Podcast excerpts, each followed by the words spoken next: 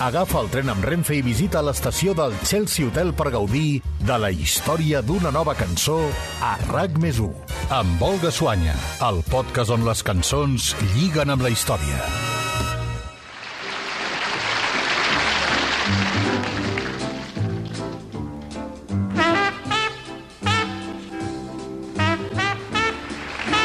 Sí, és el so inconfusible de la trompeta de Louis Armstrong interpretant les primeres notes de Mac the Knife.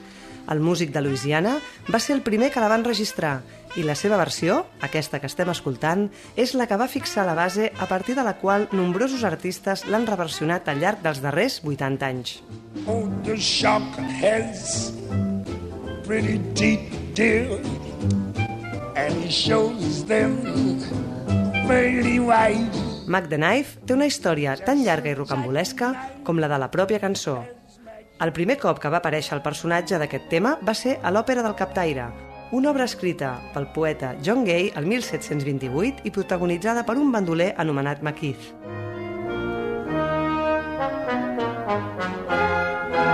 Però no va ser fins dos segles més tard, quan el dramaturg alemany Bertolt Brecht va decidir fer-ne la seva adaptació, que el relat de la vida d'aquest criminal va començar a popularitzar-se. Brecht la va titular l'Òpera dels Tres Rals i amb el compositor Kurt Weill va actualitzar-ne el guió i la música per tal de convertir-la en una crítica marxista del món capitalista. El personatge de Makeith el va fer més cruel i sinistre i tot i que li va mantenir el nom, li va donar l'àlies que acabaria convertint-se en el sobrenom que el faria famós, Maki el Navalla, en alemany Mackie Messer. Und der Haiffisch, der Pocs dies abans de l'estrena, l'agost de 1928, l'actor que feia de protagonista va demanar si podien fer-li una cançó de presentació del personatge per tal de suavitzar una mica la seva entrada en escena. Com a resposta a aquesta petició, els autors li van escriure el que es coneix com un moritat, una balada d'origen medieval que fins ben entrat al segle XIX s'utilitzava per relatar les malifetes d'un criminal. Brecht va encarregar-se de la lletra, que en boca d'un cantant del carrer repassava tot l'historial delictiu del protagonista de l'obra, i sobre ella, Bale va composar una única melodia de 16 compassos que s'anava repetint al llarg de tot el tema.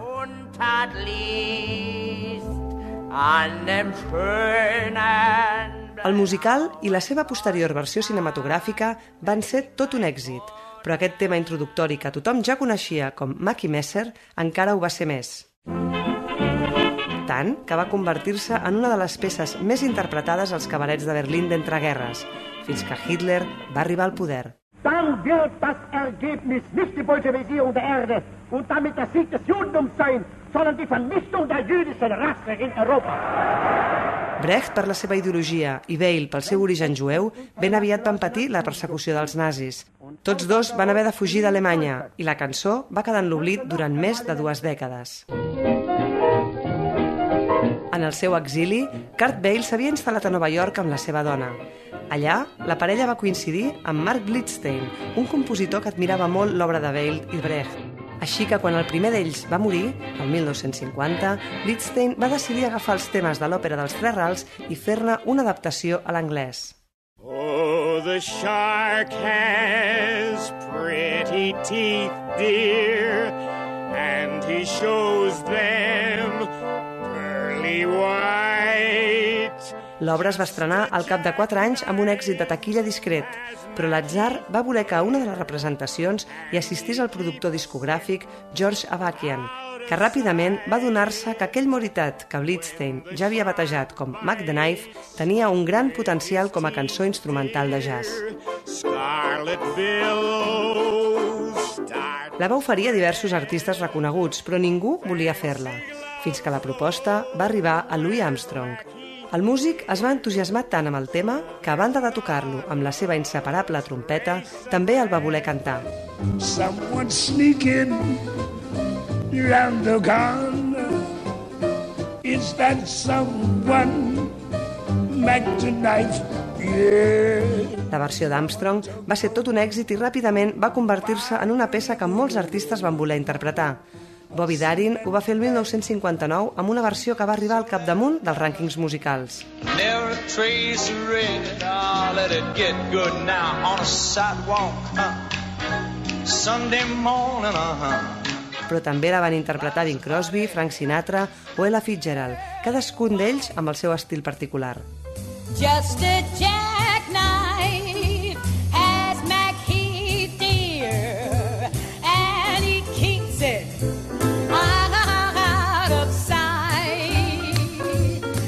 José Guardiola va ser el primer que va atrevir-se a fer-ne una adaptació a l'espanyol a principis dels 60. El cantant barceloní va convertir el protagonista de la cançó en Maki el Navaja, un personatge que 20 anys més tard inspiraria el dibuixant manresà Ivà per crear l'entranyable antiheroi del còmic Maki Navaja. Lleva Maki su acordeón por los ranchos donde donde pasa Maki Messer, Mac the Knife, Maki el Navaja o Pedro Navaja, que és com el va acabar rebatejant Rubén Blades en la seva versió a ritme de salsa. Un mateix personatge amb tantes vides com versions de la seva cançó se n'han fet. y tropezando se fue cantando desafinado el coro que aquí les traje y del mensaje de mi canción ¿qué dijo?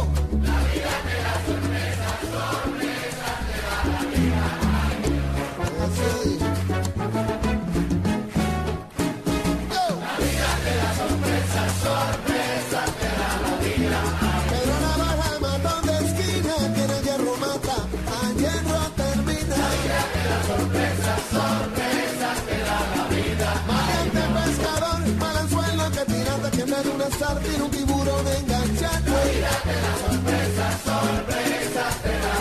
Porque la vida es una tómbola, tom, tom, tómbola, la vida es una tómbola,